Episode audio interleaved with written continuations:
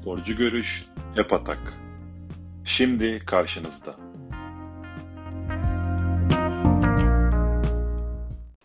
Arkadaşlar merhaba. E, sporcu Görüş'te Hep Atak'ta uzun süre sonra beraberiz. Uzun süredir bir program yapmamıştık. Ozan'la bugün beraberiz. Ozan selam.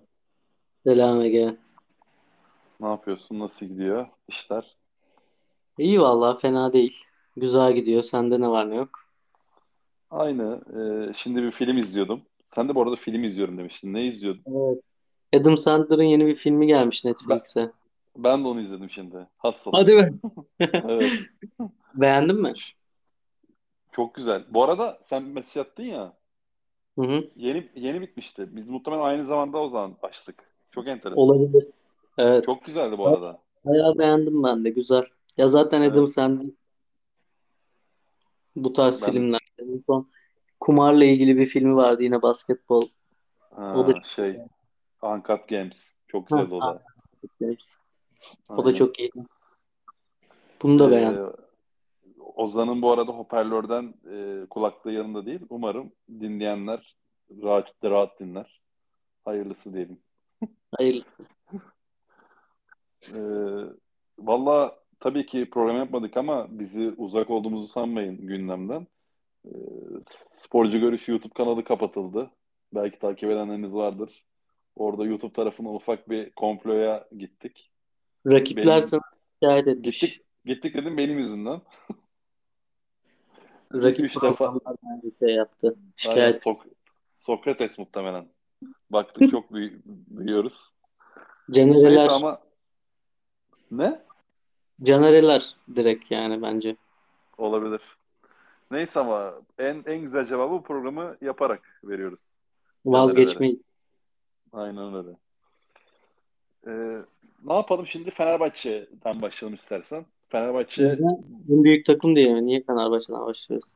yok çünkü çok değişik bir e, kendi için enteresan bir hamle yaptı. İlk defa Temmuz ayında, yok Haziran ayında hocayı açıkladı. Değil mi? tabii ki de büyük bir isim. Fenerbahçe'nin 4 senede son 14 ayda falan yani 4 sene 14 ayında hocası olmadığını düşününce Haziran ayında kamp hocayla girmek bence Ama bayağı şöyle bir detay da var. konuşulması gereken bir şey.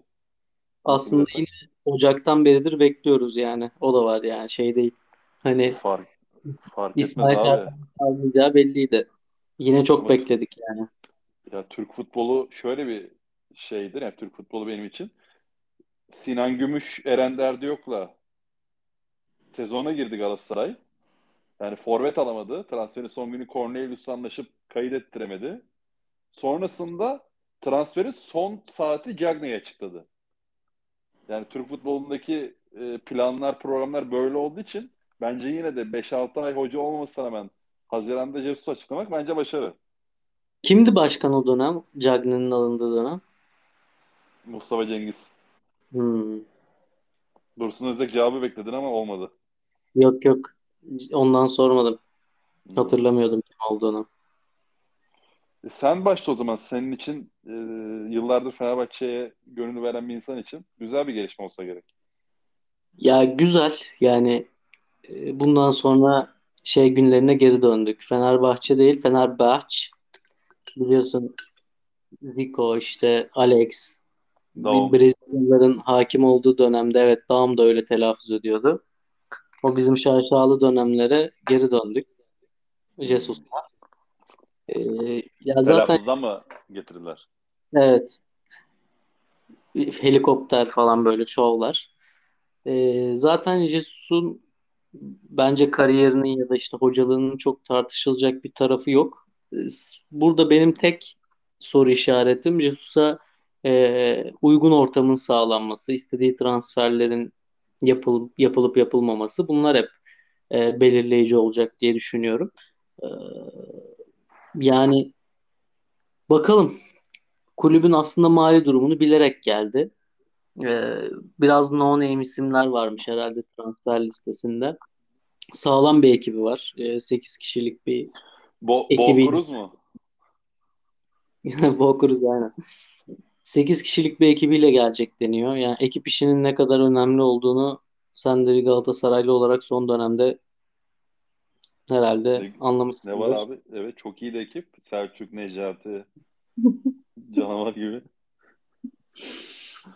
Herhalde Mehmet Aurelio köprü olacakmış. O da olacakmış teknik ekipte. Numara mı? Orta valla sahayla defans arasında olduğu gibi mi? onun gibisi gelmedi. Evet. Şu an olmasın Gustavo'dan iyi oynar yani. Ama bak Cre- Crespo aslında ona onun ondan sonra gelen muhtemelen en tempolu böyle en benzer Evet. altı numara olabilir. çok farklı ya. Bence yok. Ya Aurelio'nun tekniği çok başkaydı. Yani normalde biliyorsun Trabzonspor'a e, kanat oyuncusu olarak geliyor. Hatta e, oyun kurucu kanat yani on numara özellikle.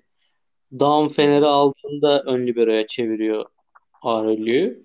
Tekniğinin işte oyun zekasının, pas kalitesinin yanına adam inanılmaz bir alan kapama, işte top kesme özelliği ekledi yani. Çok acayip bir adamdı ya. Yani Aurelio Apia orta sahası bilmiyorum. Benim gördüğüm, izlediğim Selçuk Melo mesela o da çok ekstra orta sahaydı.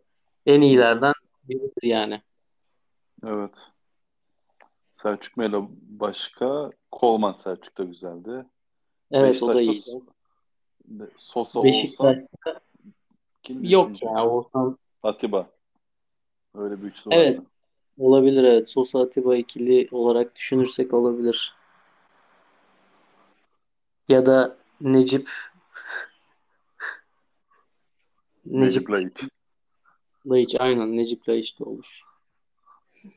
Mu- Mur- Murat'a özel espriler. Jesus'la ilgili sen ne düşünüyorsun? Valla e, Jesus'la ilgili daha gelmeden önce olumsuz olarak düşündüğüm en büyük şeyi söylemiştim sana. Şimdi bu adam Tatile. Flamengo'da çok popüler bir adam. Hı hı. Ve Flamengo'dan ayrılması işte pandemi araya giriyor. Zaten sen de süreçler hakimsin. Çok başarılı bu arada. Hatta Flamengo muhtemelen yani aslında e, oraya gittiğinde 66 yaşındaydı diye biliyorum. Duyuyor musun şu an? Evet evet duyuyorum.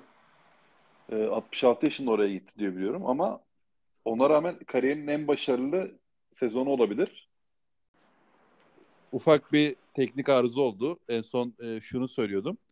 Bu Jesus 65-66 yaşında ilk Flamengo yani Flamengo'ya gittiğinde 65 yaşındaydı. Ve işte Libertadores, Lig, Sudamericana kupasını falan kazandı biliyorsun. Yani hı. e, kariyerinin muhtemelen en iyi sezonu. Çünkü Portekiz'de de şampiyonlukları falan var da böyle uluslararası kupayla birleştirdiği falan öyle bir sezonu yok. Ve bu sezon işte e, bu sezondan sonra pandemi çıkıyor. Pandemiden sonra da Portekiz'e geri dönüyor. Aslında pandemi olmasa belki de Flamengo'ya devam edecek. Ama o dönemden sonra işte yeni gelen e, ya da hali hazırda onu tam bilmiyorum da detayını. Sportif direktörle falan olan kavgasından dolayı e, hani dönüş sebeplerinden biri de bu. Bunları anlatıyorum. Biliyorsun bundan iki hafta önce Jesus Brezilya'daydı. Hatta Flamengo maçında gözüktü falan taraftarların bayağı bir yoğun ilgisiyle karşılaşıldı. Ama o, o dönemde işte sportif direktör asla Jesus'un gelmeyeceğini, bununla ilgili haberler yapılmaması gerektiğini veya bunun bir olasılık olmadığını söyledi ama taraftardan yoğun bir ilgi var. E, Jesus'un da kafasında olduğu belli. Şuradan belli. Hem Brezilya milli takım için adı geçiyor. Hem de işte Flamengo'daki bir olay zaten ortada. E ve bir senelik kontrat Her Fenerbahçe'de. yerde bir sene ama. Flamengo'yla da bir sene yapmış zamanında. Katar'da da bir sene yapmış. Yani adam Portekiz dışında çalıştığı her yerde zaten bir yıllık kontrat yapıyor.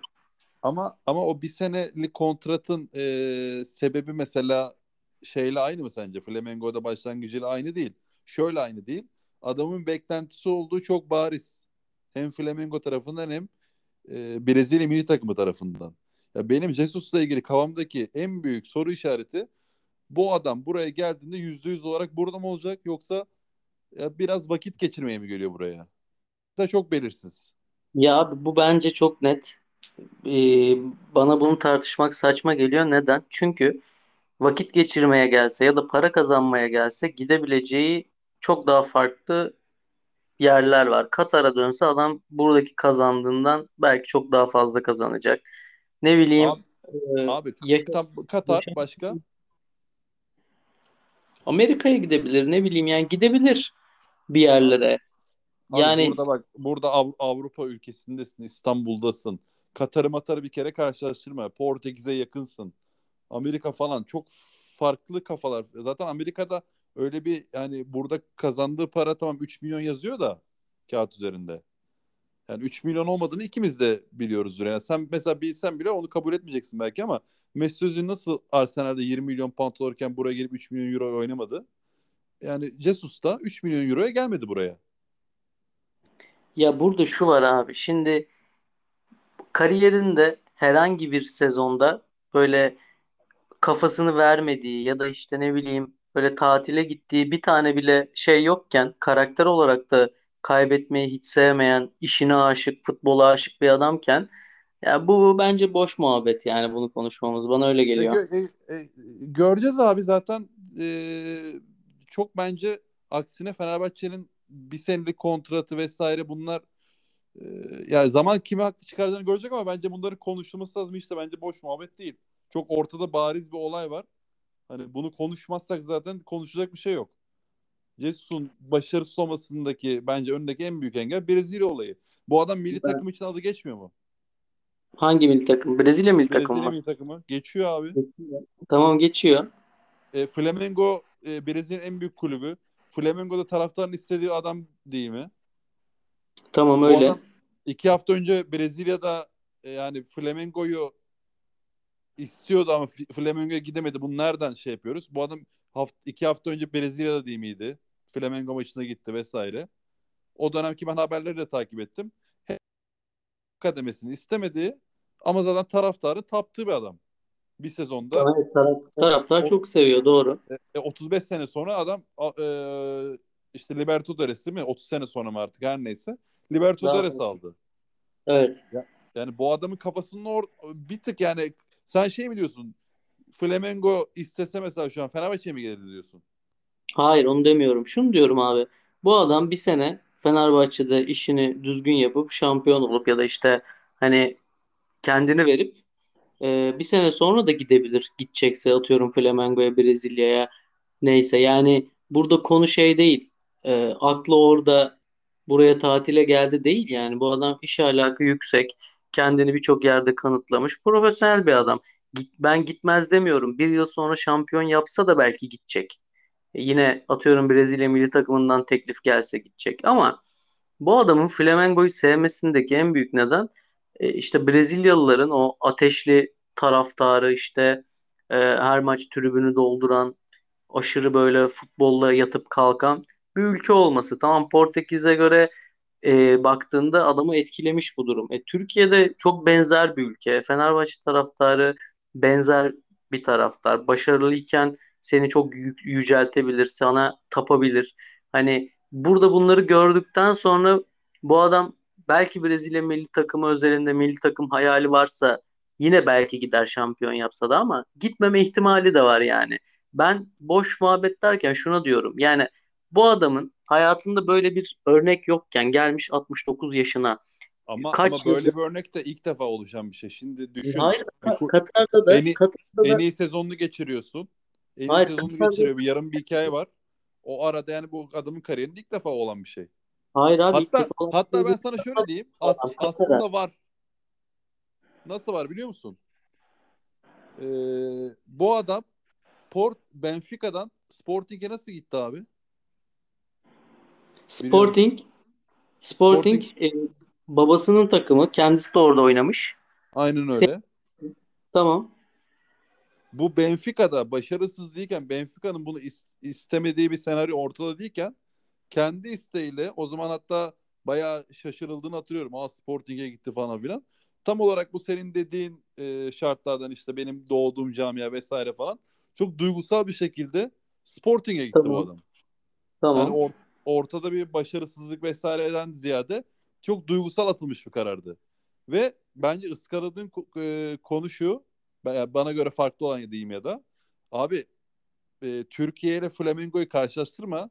En basitinden Flamengo Brezilya zaten Portekizce konuşulan bir ülke. ya Yani bak dil çok yakın bir kültürler. Yani orada hani Jesus için Portekizce çalışmak, Brezilya'da çalışmak çok benzer şeyler. Türkiye onun için çok farklı bir yer hani. E, bambaşka bir şey. Türkiye'ye en benzer örnek Katar. Bu adam Katar'a gittiğinde de 19 maçta 16 galibiyet mi, 17 galibiyet mi? O o seviyedeyken hani o şekilde kendini oraya vermişken çok da iyi para kazanıyorken hani sonuç olarak demek istediğim bu adam hani baktığında kaç yıllık teknik direktör nereden baksan herhalde 40 yıldır 35 yıldır falan teknik direktörlük yapıyor herhalde 30 yıl mı artık neyse. Tamam. Yani karakter olarak her gittiği yere kendini veren profesyonel aşırı futbolla yatıp kalkan bir adam yani. Hani o yüzden tatile geldi. Yok işte aklı başka yerdeden ziyade hani ne bileyim bana çok mantıklı gelmiyor açıkçası. Bence önündeki en büyük engel yönetim. Yönetim ona doğru ortamı sağlamazsa başarısız olabilir. Yani tek şart o. Kesin. Doğru ortamı sağlamazsa. Ya Evet. doğru ortam Ya bunun nasıl? Ne mesela? Bunun mesela istediği kadronun kurulması, işine karışılmaması, s- saha dışında e, elini güçlendirmek, desteklemek, e, yani bir kere yedirmeyeceksin abi Türk medyasına. Bizimkiler daha gelmeden adam yok helikopterden düştü, yok işte takıldı falan böyle muhabbetlere başladılar yani. Yok işte geçen radyoya biri çıkmış, Radyo Gol dinliyorum bu ara. Hı hı. Diyor ki Jesus diyor takıntılı. Taktik konusunda takıntılı bir adam. Abi bakıyorsun adam 4-4-2 oynatmış. Gitmiş 4-1-3-2 oynatmış. Gitmiş Flamengo'da Ay bunu 4-2-3 yorumcu mu söylüyor? Evet evet. Yorumcu söylüyor. Yani aslında tam tersine esnek bir adam baktığında. Ha belki kendi şeyleri vardır tabii ki. Ee, kuralları vardır ama takıntılı bir adam demezsin yani. Adam üçlü bile oynamış son sezonunda baktığında Benfica'da. Evet, evet o Yani konuda bence de 4-4-2, 4 e, 3-4-3, e, 4-3-1-2 bayağı çeşitliliği var taktiksel olarak. ha, yıp- yıpratmayacaksın abi adamı yani. Korumak Ya, lazım. ya zaten e, çok büyük hocaların söylediği bir şeydir bu. Yani taktikten ziyade bizim ülkemizde anlaşılmayan şey bu mantalitenin e, nasıl bir öneme sahip olduğunu cidden an- anlamıyor insanlar. Yani taktik diziliş mesela Ali Ece'nin bir lafı var yani bu taktik diziliş de olsa San Marino mesela e, 4-2-3-1 oynuyor. E diyor neden senelerdir her maçı kaybediyor. Yani tabii o çok e, abartıyor biraz da o yorum yaparken ama aslında temelinde doğru. Bu taktiklerden ziyade dizilişlerden ziyade mantalitesi, işte ne bileyim pres zamanlaması, koşu mesafeleri, sprint mesafeleri yani bunları düşünmeden sadece dizilişe odaklanırsan zaten hiçbir şeyi açıklayamazsın. O yüzden bence de o, o tarz yorumlar Türkiye'de çok var ama yöneticilerin onlara kulak asmaması lazım. Ya Ali Koç da yönet çok takılan bir adam aslında onlara yöneticilerin koruması lazım. Yani yedirmeyeceksin. Medya çünkü yemeye çalışacak. Bu ülkede yabancı hoca düşmanlığı var yani. Herkes Var. birinin O yüzden korumak lazım. E, Düzgün ortamı da sağlarsan ha yüzde yüz tabii ki her şey güllük gülistanlık olmayacaktır ama e, maksimum verim almak lazım. Getiriyorsan böyle birini maksimum verim alacaksın. Ha sonrası bir sene sonra ne olur ne biter. Gider kalır şampiyon olur olamaz. Bunlar e, zaman gösterir onu. Hı hı. Ama bence kağıt üstünde Ali Koç kendine yakışanı sonunda 4 yıl sonunda yaptı.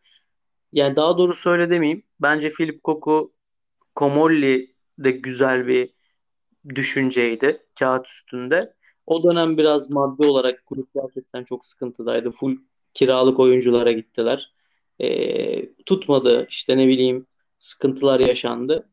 Ee, ama sonraki iki sene bence doğru yapılanma yapılmadı. Erol Bulut'la sezona başlamak işte ne bileyim ee, yanlış taraftar istedi diye Ersun Yanal'ı getirmek getirince arkasında durmamak ona bir tane bile ya adam Jason'la oynadı stoper olarak. Sol bek alınmadı.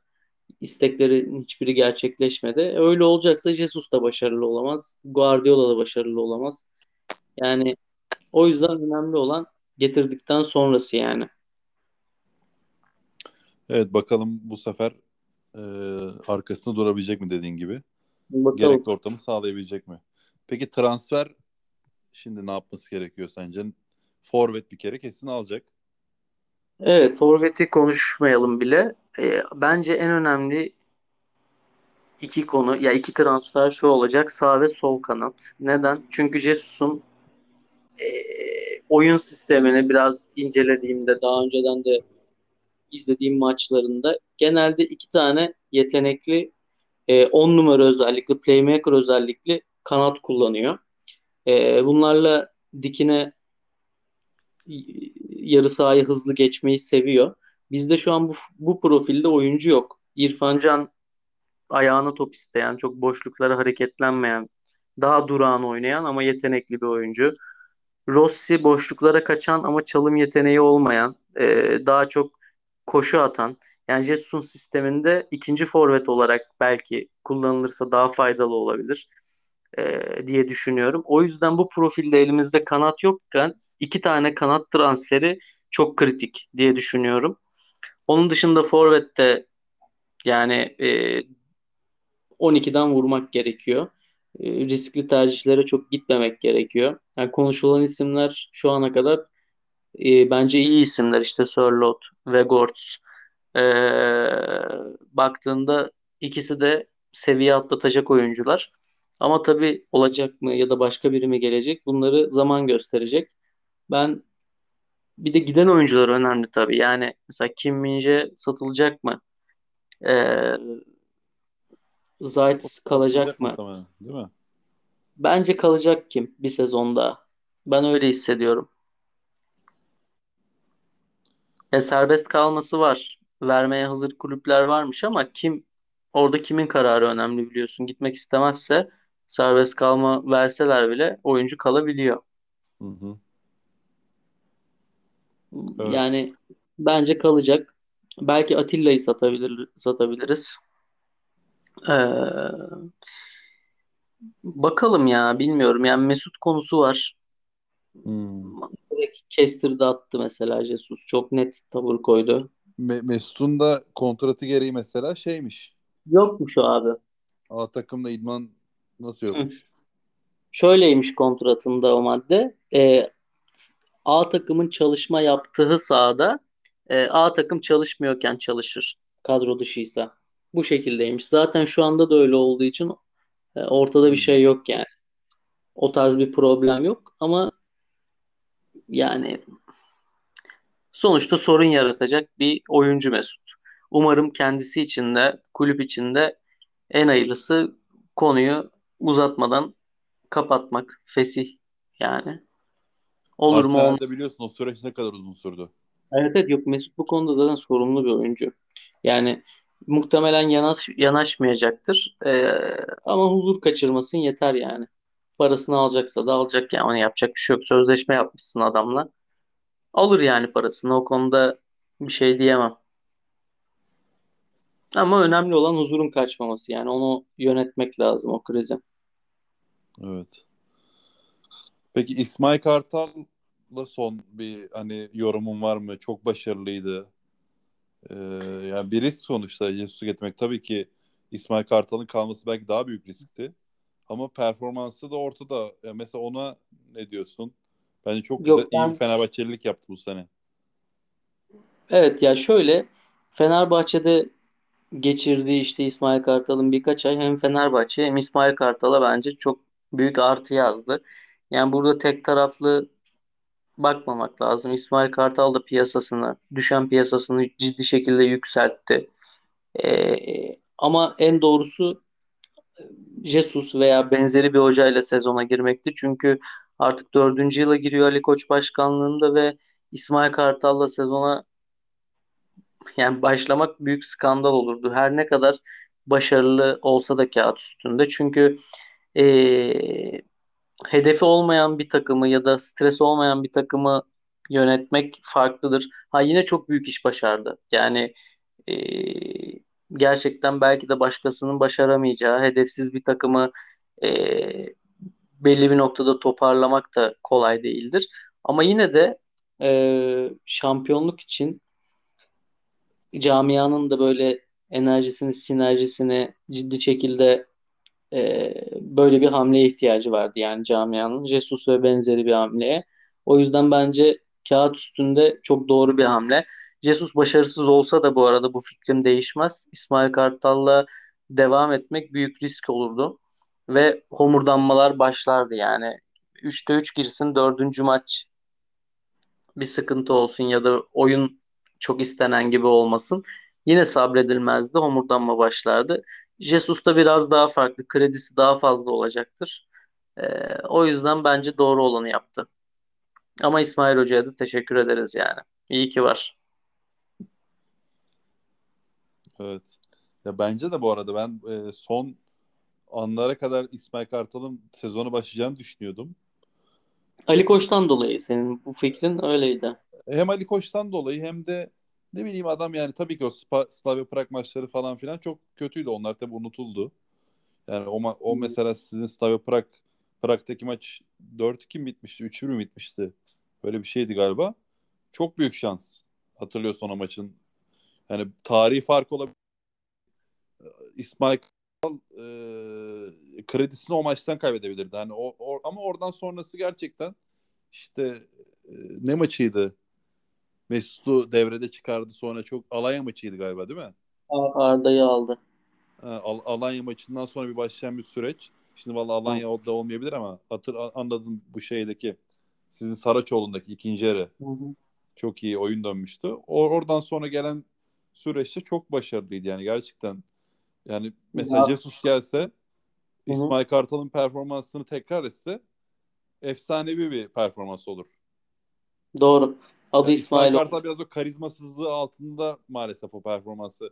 Ya da şöyle diyeyim Aykut Kocaman gelseydi devre arası Aykut Kocaman sezonu böyle bitirseydi Aykut Kocaman'ın sezona başlanırdı. Çok yüksek ihtimal katılıyorum sana. Ama burada şu unutuluyor. İsmail Kartal e, bu noktaya aslında birçok hata yaparak geldi.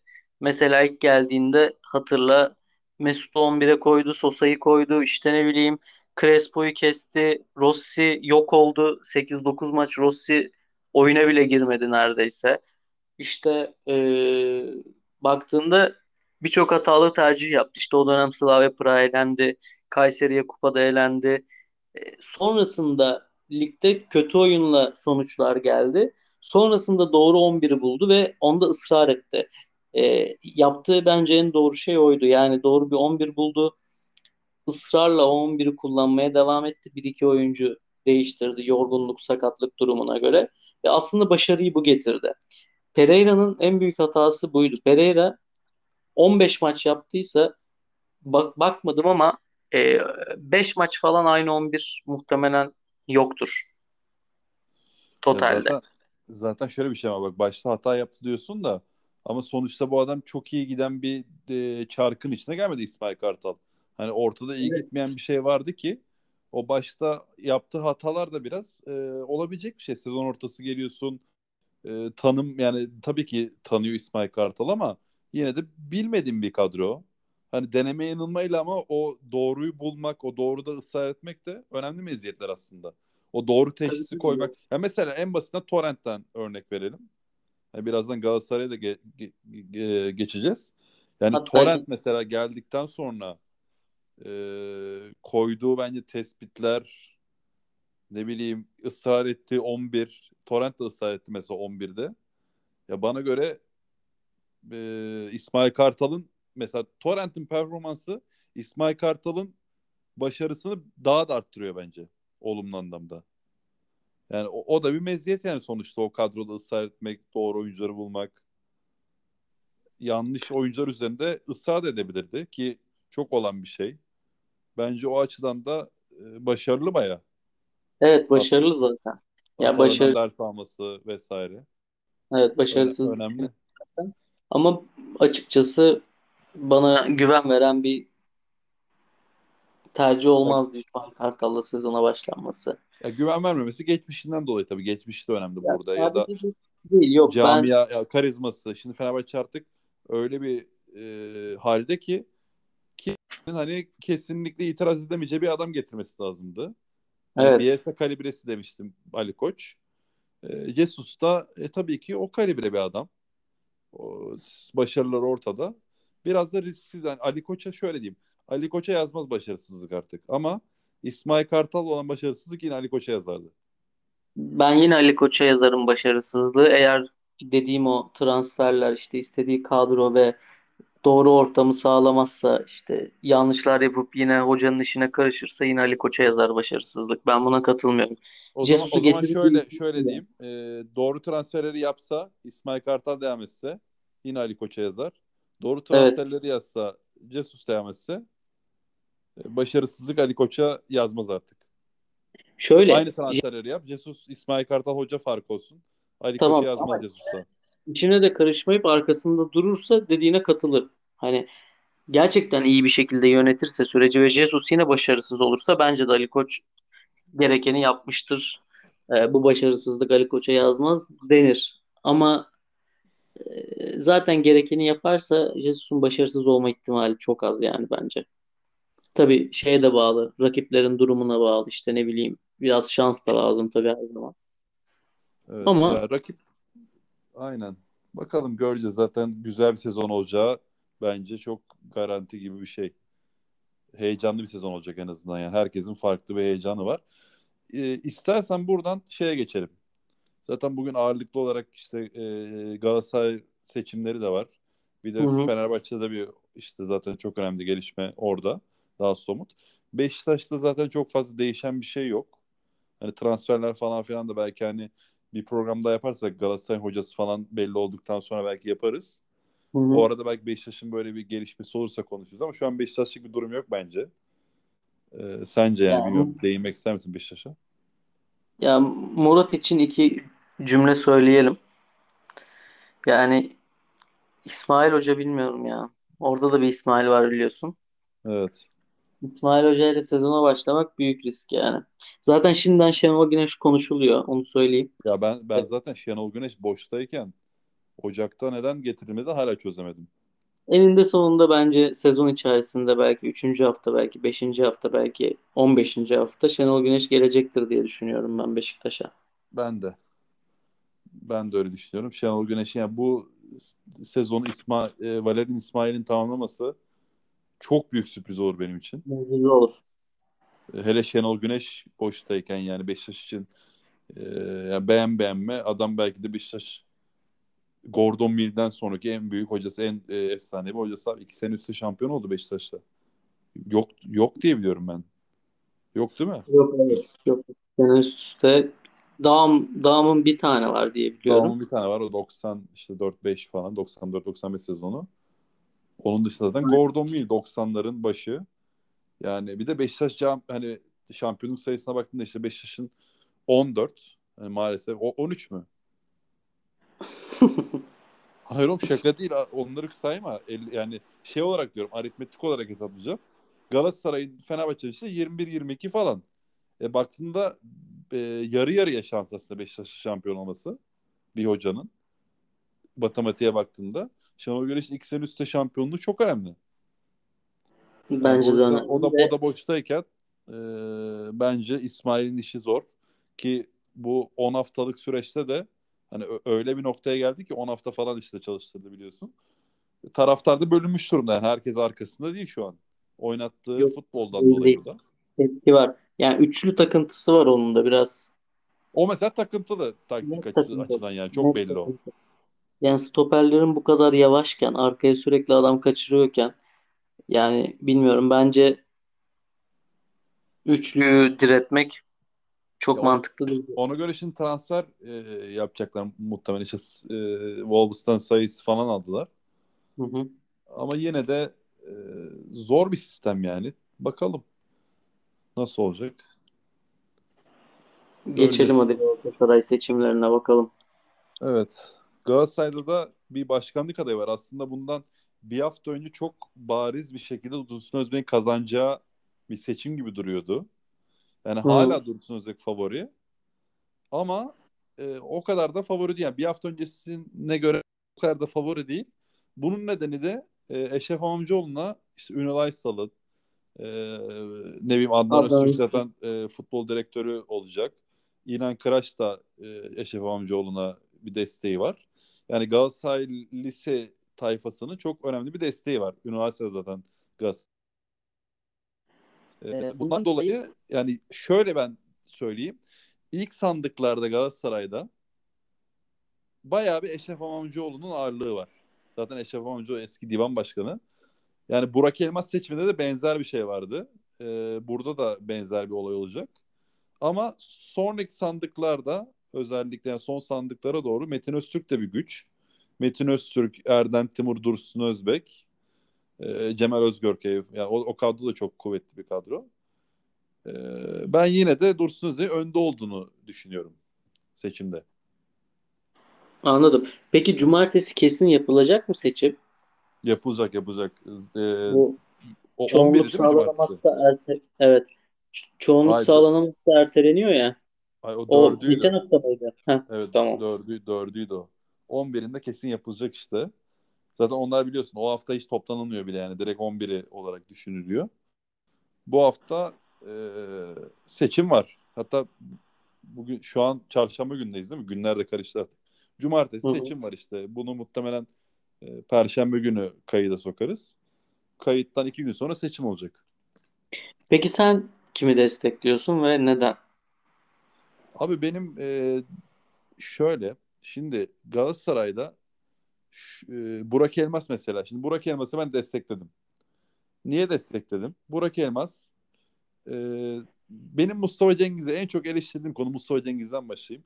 Ben çok namuslu bir adamdı. E, futbol spor camiasında da namuslu, ahlaklı böyle sözünün eri adamlar bulmak kolay değil yani. Bunlar meziyet. Ya, Türkiye'de aslında meziyet her dalda meziyet. Ee, aslında dünyada öyle Avrupa'da falan belki çok önemli meziyetler değil ama Türkiye'de ahlaklı olmak, sözünleri olmak falan meziyet. Mustafa Cengiz de böyle bir adamdı ama Mustafa Cengiz'in mesela e, özellikle Galatasaray, Fenerbahçe gibi kulüplerdeysen futbol başarısının yanında bazı projeler üretmen lazım. İşte bu projeler ne olabilir? Galatasaray'dan örnek vereyim. Şimdi Galatasaray'ın senelerdir süren bir salon problemi var. Bu salon problemi bir projedir. Florya Kemerburgaz olayı var. Bu bir yani bu bir projedir. Bunu çözüme ulaşacaksın. Ne mi Riva meselesi var. Riva meselesi sadece daha uzun vadeli bir proje. Ee, şu an mesela Dursun Özay'ın ekibinin Columbus projesi var.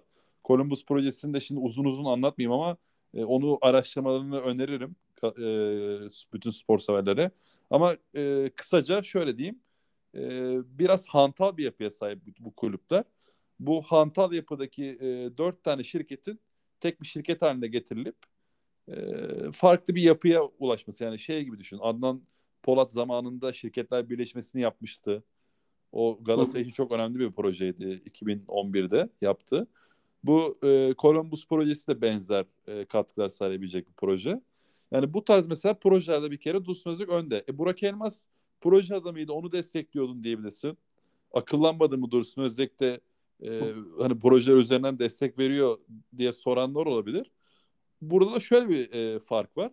Şimdi Dursun Özbek daha önce Galatasaray'a geldi ve biliyorsun beni de destekledi adamdı. Galatasaray başkanı da daha iyi. Ki ilk Hı seneleri çok başarısızdı.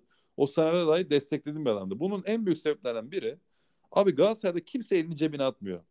Buna e, paralı başkan tırnak içinde Ünal Aysal da dahil mesela. Ünal Aysal geldi. Yani muhtemelen bunu e, dinleyenler şöyle düşünecek. Ya Ünal Aysal'ın öyle bir şey ihtiyacım var diyebilirsin. Ama Galatasaray tarihindeki en büyük hırsızlık Ünal Aysal döneminde yapıldı. Bunu ben demiyorum. Şu- Bugün Adnan Öztürk'e destek veren e, Adnan Öztürk yanında Ünal Aysal. Adnan Öztürk kendi A-Spor'a çıktı. YouTube'a yazsınlar Adnan Öztürk A-Spor diye 2013 veya 2014.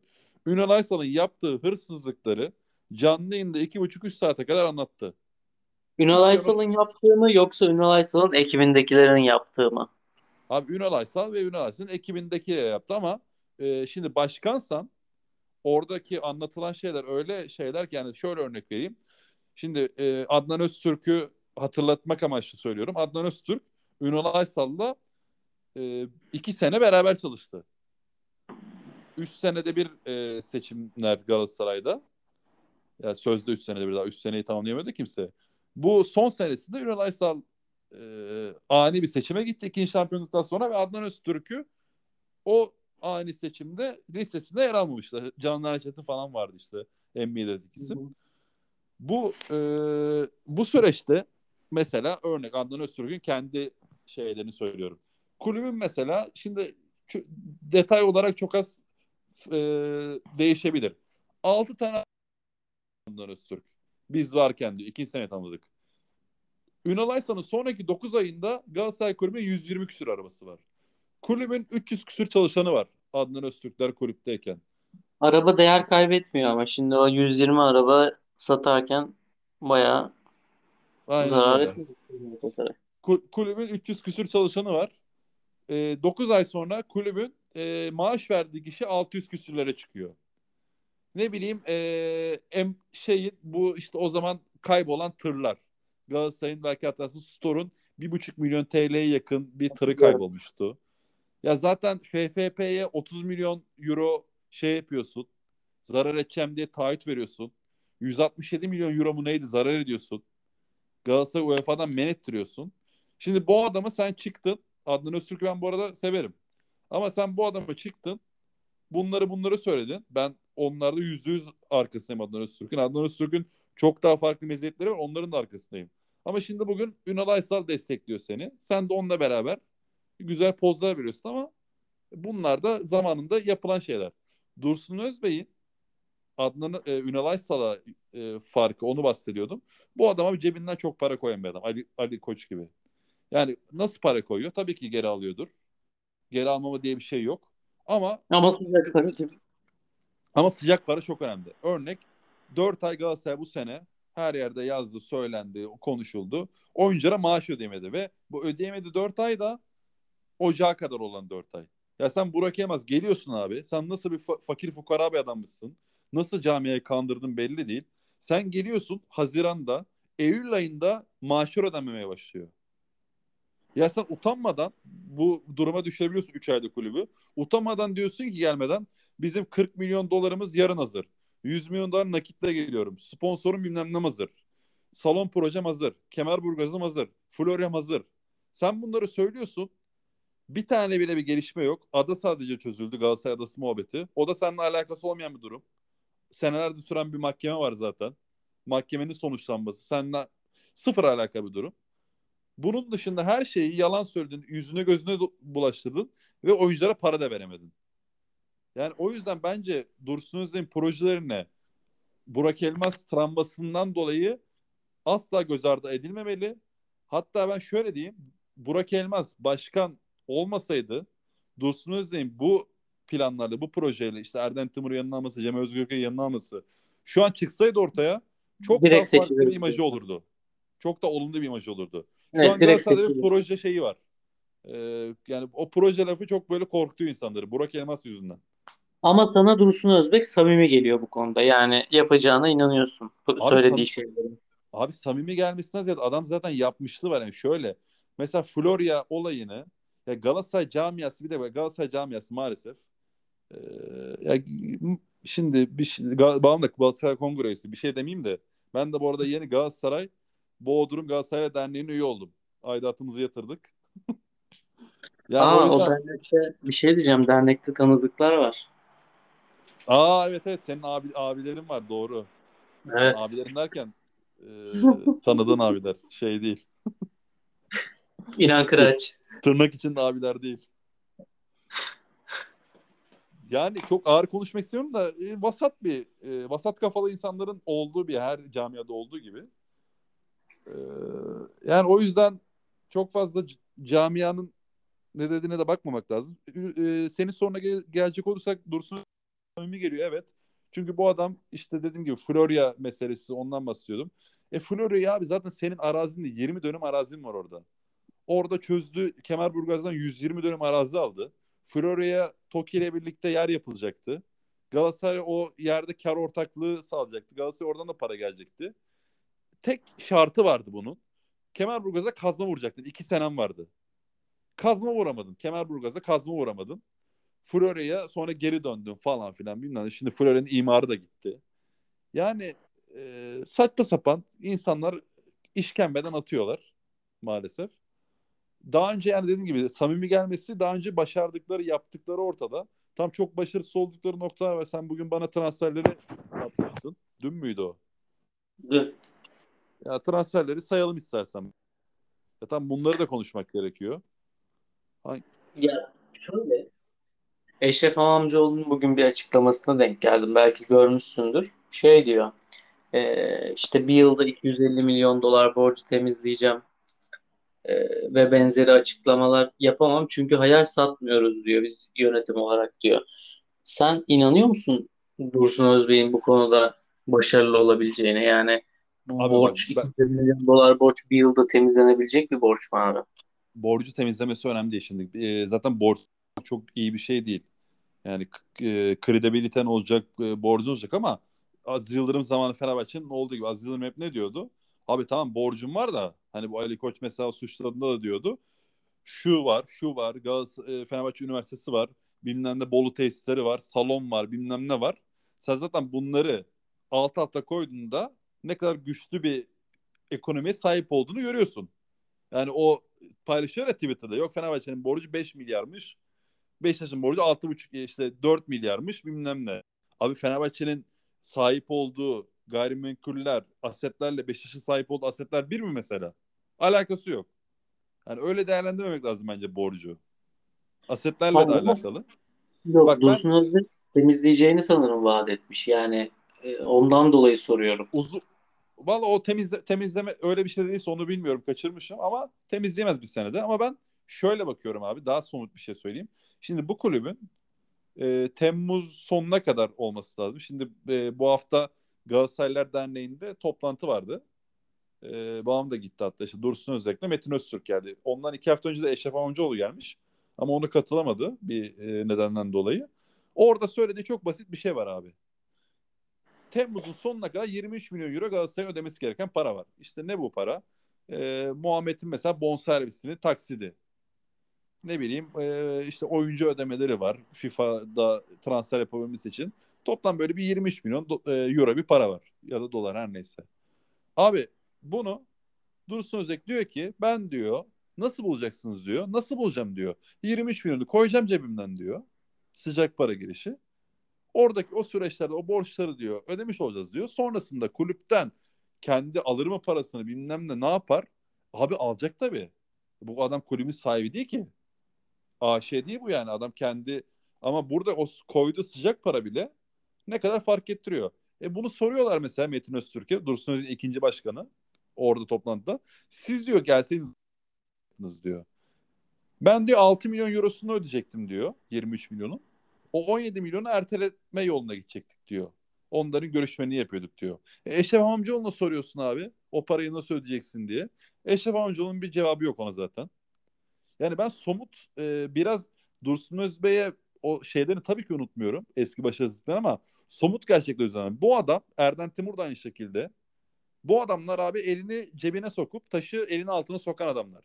Kulübün en kötü gününde. Erden Timur, Ünal Aysal'ın senelerce basketbol takımına sponsor olmuş şeyi vardı. Geçen sene Galatasaray küme düşüyordu. Belki hatırlamayanlar vardır. Erden Timur bu sene geldi, para koydu. Sportif AŞ'nin basketbolun başına geçti. E, Sonuç ortada. Stadyum aynı şekilde. 5 gün 6 gün kala sezonun başlamasına çok kısa bir süre kala şimdi hatırlamıyorum. Ne yaptı? Kimse para vermesinden 700 milyon TL para koydu. Evet elini taşın altına koydu. Ya var mı abi Eşref amcaoğlu'nda böyle bir para? E, Burak Elmas'ı seçtiniz öyle. E, parasız abi parasız olmaz bu işler. Ali Koç mesela şu an nasıl dönüyor Fenerbahçe? Arçelik sponsor, bilmem ne sponsor. İşte sen daha biliyorsun isimlerini. Öyle dönmüyor mu Fenerbahçe? Tabii tabii ya cebinden de çok hibe etti yani en son kongrede de açıkladı. Bir de hibe mesela Ali Koç'un artı hibe hibe olayları var.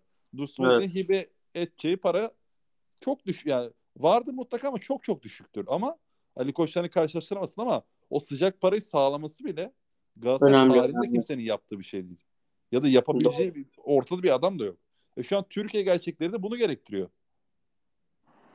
doğru özellikle kulüplerin durumları böyle yani buna ihtiyaç var. Başka türlü dönmüyor çark.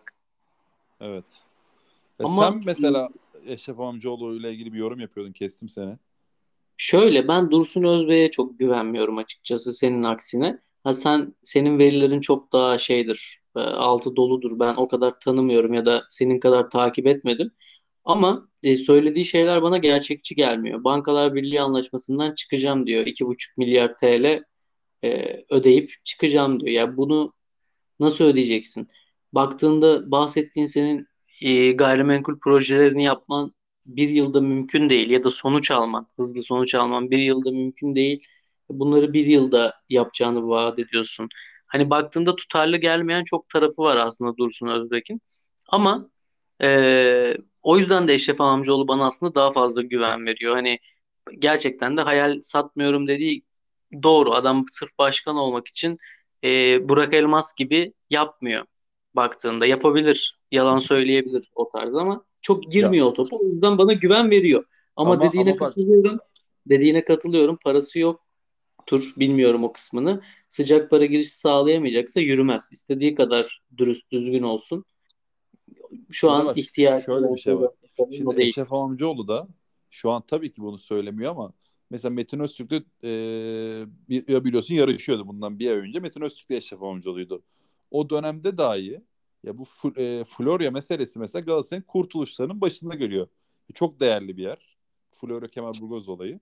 Eşref Amcaoğlu kendisi dahi Dursun Özbek'le birlikte yani kendi Dursun Özbek ismini zikrediyordu. Burak Elmas'ın daha önce zikrettiği gibi. Burak Hı hı. Elmas da Dursun Özbek'ten eee, çünkü bu Metin, Metin Oktay tesisleri Kemerburgaz olayı, Florya Me- Kemerburgaz olayı Dursun Özbek'in yaptığı bir anlaşma. Hep onların ikisinde dediği biz Dursun Özbek'le konuştuk. Bu konuda kendi projesini devam ettirecek ona bir alan vereceğiz. Bizim yönetimimizde olacak vesaire. Yani onların bel bağladığı isim de Dursun Özbek'ti. Ve camiada olay şuna geldi. Abi zaten bu olayları yapabilecek tek adam sensin. Siyasi bağlantıların olsun. İşte sıcak para koymaya belki e, tek gözü kara adam sensin. Gelsen başkan ol abi. Dursun Özbek de şu kafaya geldi. Ben tamam evet haklısınız. Ben neden başkalarının başkanlığında bunları yapayım? E, haklı adam. Yani mesela o şey de bu Galatasaray'da bu da konuşulmuş. Galatasaray'da e, başka onları yap, parayı koy vesaire. Abi yok öyle bir dünya. Yani onu kim yapar abi? Haksız, haksız mı adam sence o konuda? Sen başkan olmayacaksın. Bir de dışarıdan deli gibi para yatacaksın. Paranın nereye harcanacağı da senin kontrolünde değil. Yani bunu kimse yapmaz. Öyle eleştirenler görüyorum Dursun Özbey'i. Evet bence de çok şey değil, sağlıklı bir durum olmaz yani. O topa girmez çoğu kişi. Çok nadir yani birini bulabilirsin öyle dışarıdan destekleyecek. O da yani çok ciddi şekilde desteklemez yani ufak rakamlar olur. Evet. Bakalım ya, ya heyecanlı bir seçim bence. Ee, bence de ortada. Yani daha doğrusu duyduğum kadarıyla yani herkes ortada olduğunu söylüyor ama Dursun Özbey'i bir adım önde görenler var. Nemanja Matic'le anlaşmış Dursun Özbek. Öyle bir haber gördüm. Bugün 2 artı 1 yıllık. Kaç yaşında Matic? Bilmiyorum. Ama şey değil ya sanırım. 32-33 falandır herhalde. Bence 35'in altı değildir ya. O, o zaman yalan haberdir ya. 35 yaşındaki adam 2 artı Aa, 1 yok. yıl. O, 30, 34'müş. Yine de 34. 2 artı 1 çok da. 2 artı 1 mi kontrat? Öyle yazıyordu evet. Nerede okudun bunu? Twitter'da. Hmm. Tabii sağlam bir kaynak mı ya? Yoksa böyle fanatik fotomaç falan mı? Yok yok. Ee, neresiydi ya? Hatırlamıyorum valla bakmak lazım. Yani e, Matic Sen olmasa istersin. bile yok. E, biraz ya şimdi son durumunu bilmiyorum. Tabii ki eskiden aslında o profil olarak çok iyi. Jesus Ama- tedir tedrisatından geçti. Ha evet doğru. Ben, Benfica Manchester United'dan önce Jesus da Benfica'daydı değil mi? Evet hatta şey e, çok güzel açıklamaları var Jesus'la ilgili olumlu. Yani solak, teknik, kesici. Ya, 30 yaşında olsa mesela muhteşem bir transfer olurdu. Galatasaray'ın da zaten e, oyun oyun kurulumunda da büyük takımda oynamış olması çok büyük avantaj zaten. Oyun kurulumunda da art avantaj sağlar.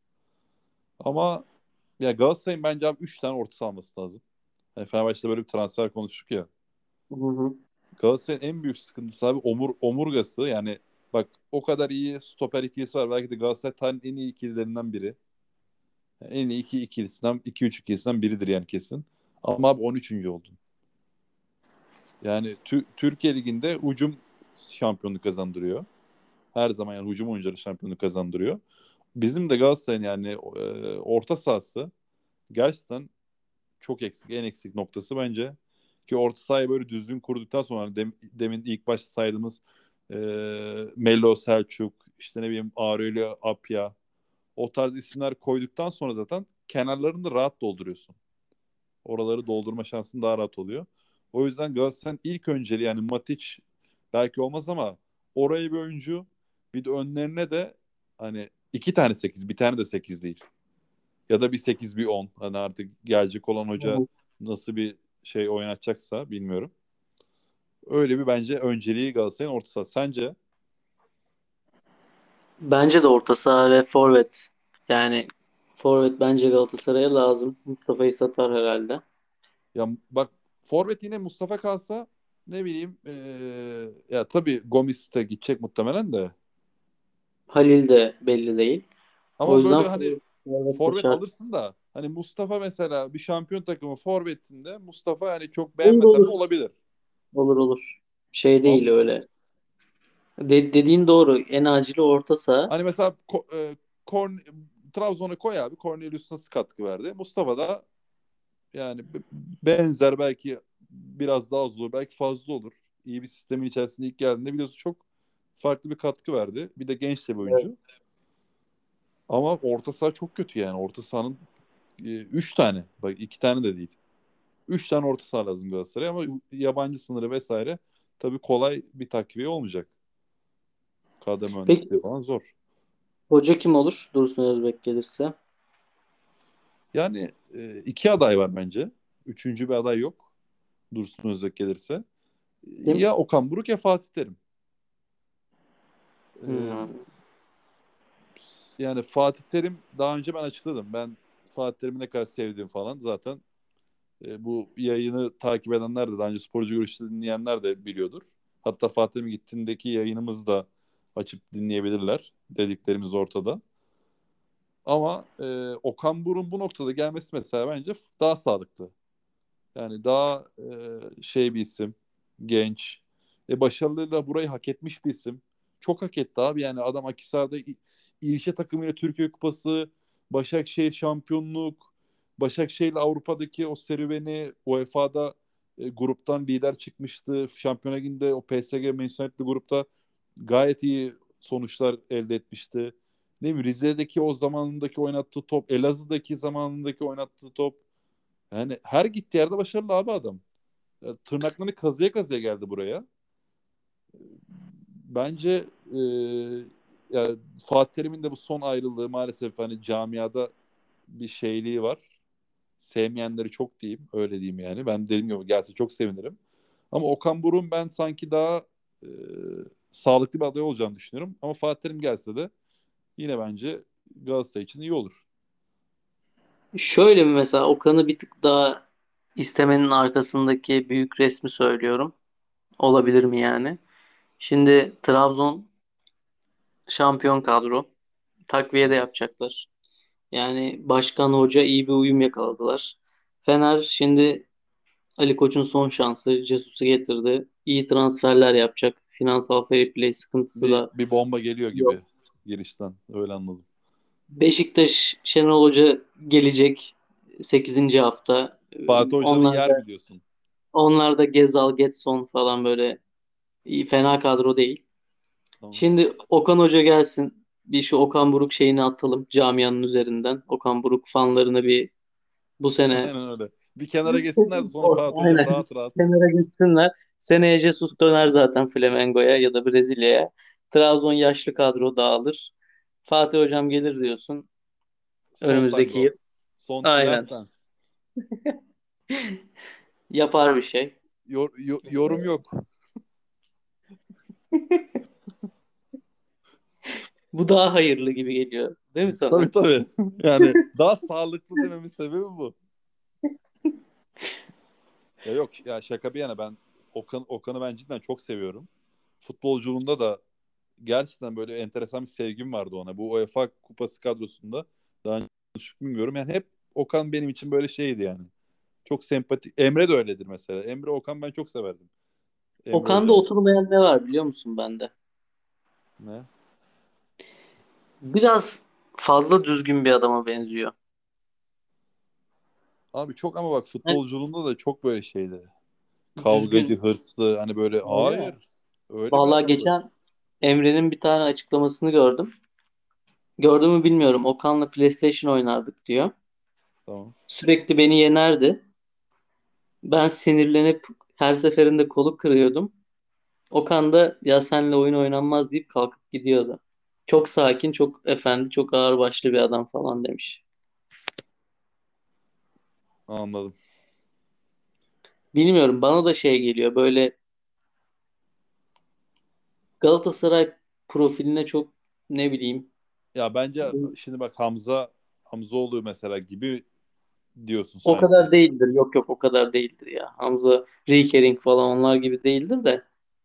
E, ama ne bileyim Fatih Terim tarzı ya da ne bileyim Geres de Abi mesela Fatih- sertti, Fa- ateşliydi. Fatih Terim, Fatih Terim yok ki başka ya. Fatih Terim'le karşılaştırırsan e, ş- bir de bak Fatih Terim'le karşılaştırma şöyle bir e, olumsuz tarafı var. Abi insanların aklında en iyi kalan Fatih Terim'le karşılaştırılıyor bu tarz durumlarda. Yani Doğru. adam mesela şeyle karşılaştırıyor kafasında yani Fatih Terim'i düşününce o 2011-2012'deki tak- Fatih Terim'i düşünüyor. O kadroyu, o oyunu düşünüyor. Ne bileyim e, yaşlı olanlar 96-2000 Fatih Terim'ini düşünüyor. Yani Fatih bir Prime'le karşılaştırırsan hiçbir zaman kazanamaz o karşılaştırdığın adam. Be- Benim bahsettiğim aslında profil olarak yani başarı olarak tabii ki ya da işte oyun olarak prime'larını karşılaştırmıyorum. Tarz olarak diyorum yani Bak ben ben de o zaman sana bir şey söyleyeyim. Bu Türkiye'de bir büyük takımın başına gelmeyi hak eden iki adam vardı. Türk bak son 30 senelik tarihinde diyorum. Şenol Güneş'i e, bırakıyorum. Yani Şenol Güneş'i saymıyorum. O zaten Trabzon'la çıkışını yaptı. Büyük takıma gitti yine yani. Trabzon'da büyük takım. Abi şöyle açayım dediğimi. Şimdi mesela örnek Fener'den gidelim. Aykut Kocaman geldi. Niye geldi Fener'e? Efsane futbolcu. İşte Davam'ın sportif direktör olarak geldi. Tamam fena futbol oynatmıyordu ama hocalıkla alakalı bir durumdan ziyade efsane Aykut. Değil mi? O şeyle geldi. Apolet'le. Ne bileyim Beşiktaş. Sergen. Yani Anadolu takımında falan çalıştı da işte Sergen yani 10 numara. Sergen attı şampiyonluk geldi. Efsanesi. Ertuğrul Sağlam. Ertuğrul Sağlam mesela Bursa şampiyonluğu Beşiktaş'tan sonradır.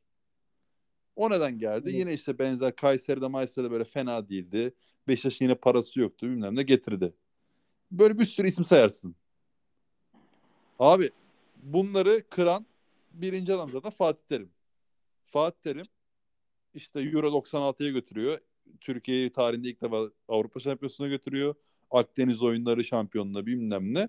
96 yılında o dönemleri yani yaş takip edenler ben çok okudum o dönemleri. Fatih Terim'i getirmek zorunda yani e, yönetim. Yani öyle bir adam var Galatasaray kaptanı senelerce. Artık hani bu adamı getirmemiz lazım. Hani getirelim ne olacaksa olsun. O raddeye geliyor yani tırnaklarıyla kazıyor. İkinci de Okan abi. Yani Okan ne Okan'ın bir öyle efsane futbolcu bilmem ne o Beşiktaş'a gittiği dönemden Inter'e gittiği dönemden dolayı öyle bir sıkıntısı var. Ne ondan gelecek Okan ne başka bir şeyden gelecek. Tamamen kendi e, kazandığı başarılar tırnaklarıyla kazıyıp bu yani bir büyük takıma gelmeyi en fazla hak eden adam belki de son 25-30 senede. Ben o yüzden Okan'ı çok istiyorum. katılıyorum hak etti. Yani bir, en azından şans verilmesini hak ediyor. Yani o yüzden Bir de abi gelsin. ben bence de gelsin ya. Yani Gelsin de bir e, Jesus'u emekli etsin artık. Yani o 11 senede 3 şampiyonu kazanmış. Burada utanmadan geliyor. Portekiz Ligi'nde. Jesus bu arada e, Terim'le falan kıyaslıyorlar kupa sayısı. Sen de sen mi atmıştın gruba? Yok ben atmadım da e, ben attım galiba olabilir.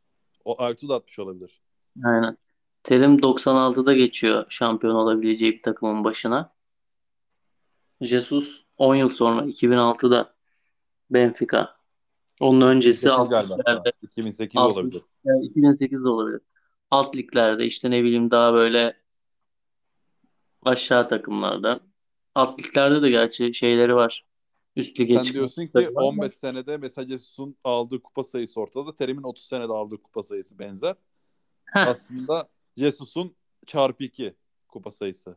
yok yok çarpı Matematik 2 olarak. denmez de denmez de kıyaslarken bunu da dikkat etmek lazım. Hayır Dikkate o almak matematiğe göre çarpı 2. Çünkü 12 Hayır sene eksiği var. Ama öyle bir 12 garanti yok tabii ki de. Ya çarpı 2 demem tabii ki ama bunu da dikkate Hayır almak bunu, bunu şaka olarak söylemiyorum. Hani matematiğe Ya- baktığında öyle oluyor. Onu diyorum.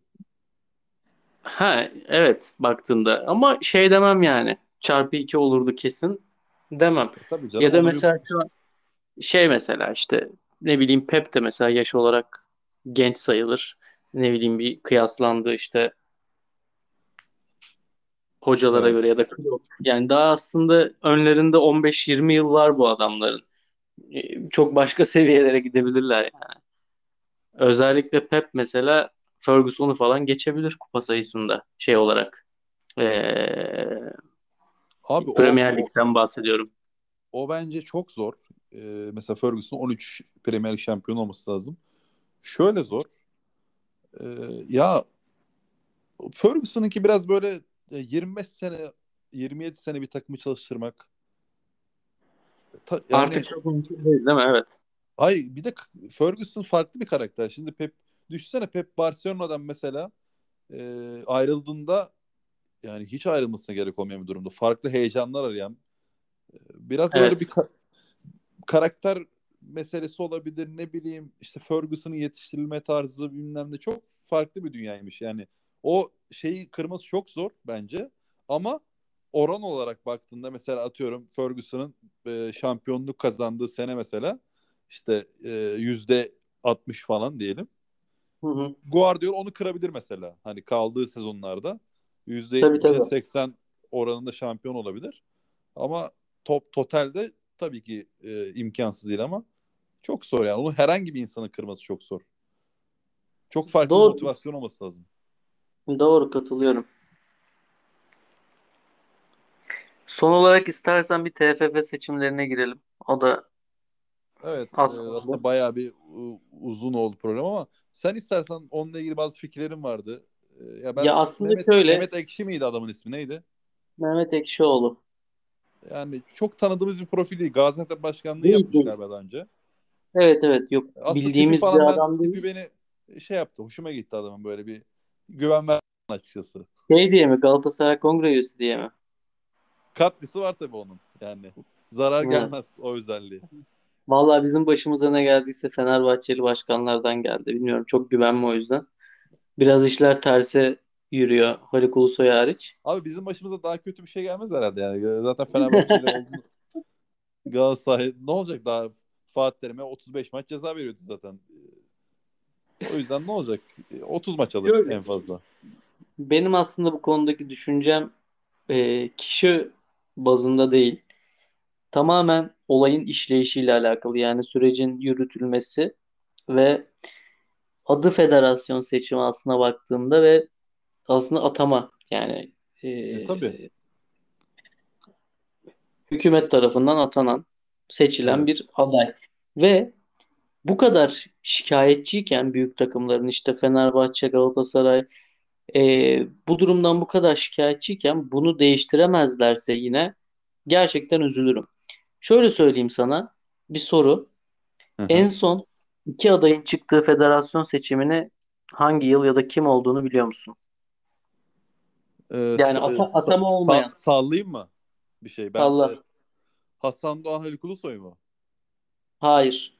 Haluk Kim? Ulusoy e, başka bir adam ismini unuttum. E, Haluk, Haluk Ulusoy Ulusoy olduğunu hatırlıyorum seçiliyor. yani. iki adaydı. Evet. Evet. Haluk Ulusoy seçiliyor. Sonrasında Hasan Doğan'la beraber Hasan Doğan tek aday giriyor. Hasan Doğan'la birlikte sonraki herkes atanıyor aslında baktığında. Bu arada bahsetti yani şimdi bilmeyenler tarihi olabilir. 16-17 sene falan olması lazım. 15 sene mi? Tabii tabii. Evet. Yani ciddi bir süre bu. Ee, ve hadi eski dönemleri çok kabul edebilirim. Neden? Çünkü atıyorum Fenerbahçe şikayetçi ise Galatasaray mutluydu. Galatasaray şikayetçi ise Fenerbahçe mutluydu. Ya da Beşiktaş belli dönemlerde mutluydu. Ama güncel tabloda özellikle birkaç senedir, son iki senedir diyeyim, ciddi şekilde bu büyük takımların hepsi şikayetçi. İşin e, şey kısmından hem yönetimden, yönetilişten, MHK'den, tahkimden, hakem atama her şeyden şikayetçiler. Yine de hükümetin atadığı bir adaya kayıtsız şartsız tamam denmesi beni gerçekten rahatsız ediyor. Buna da tek ses çıkaran kişi Ali Koç.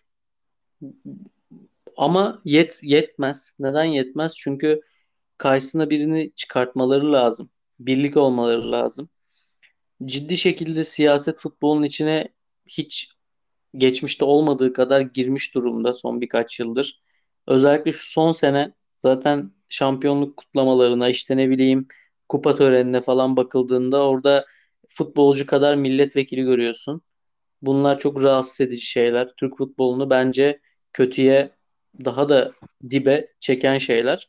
Ee, bence bir fırsat var Türkiye'nin elinde şu an. Bugün çarşamba, yarın e, federasyon e, adaylığı açıklamak için son gün. Başkanlığı adaylığı açıklamak için son gün.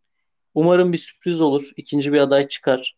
Bu büyük kulüpler birleşip birini aday olarak gösterirler ve arka planda bununla ilgili seçime kadar çalışıp e, bu düzeni yıkarlar.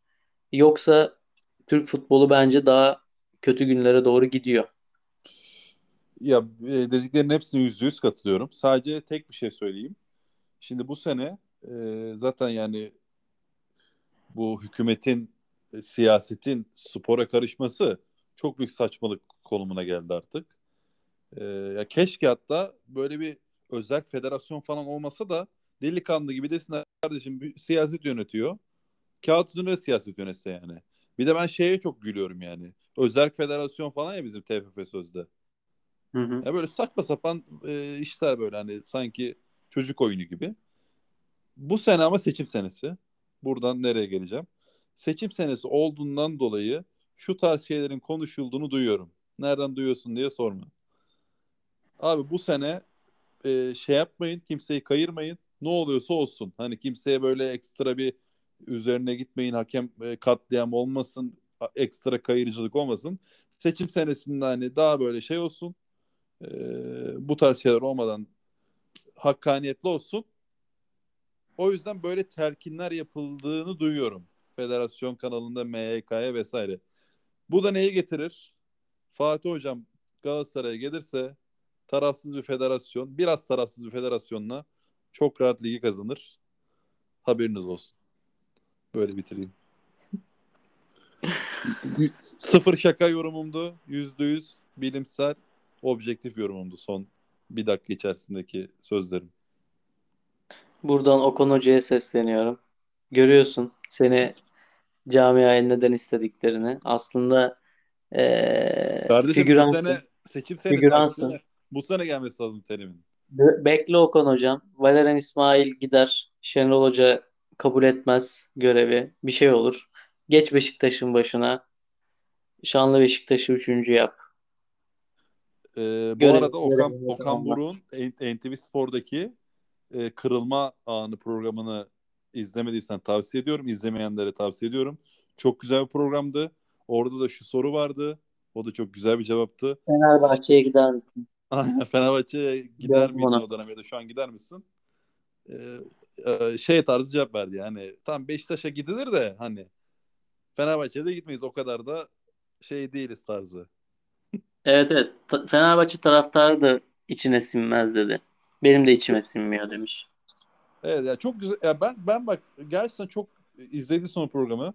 Abi adam cidden çok güzel konuşuyor. Kendini çok güzel ifade ediyor ve yani o adamın istiyorsun yani adam için. Galatasaray'a gelip o o başarıyı tatmasını ya ben en azından bir taraftar olarak çok istedim ya çok hak ettiğini düşünüyorum. Tekrar tekrar giriyor sözlerim ama Tekrara girmiyor. Sen az önce 30 saniye önce Fatih Hoca falan diyordun. Abi Fatih Hoca şöyle o e, objektif tespit. Hani hakemlerin böyle bokunu çıkarmadığı bir ortamda Fatih Terim şimdi gelse e, şey yapar yani. E, kartop oynayarak şampiyonluk kutlar. Öyle diyeyim. Yeni Morutanlar, yeni Çıkıldaolar. Karşısında zaten Jesus var. Bir ayağı Brezilya'da. Bitmiş 69 yaşında.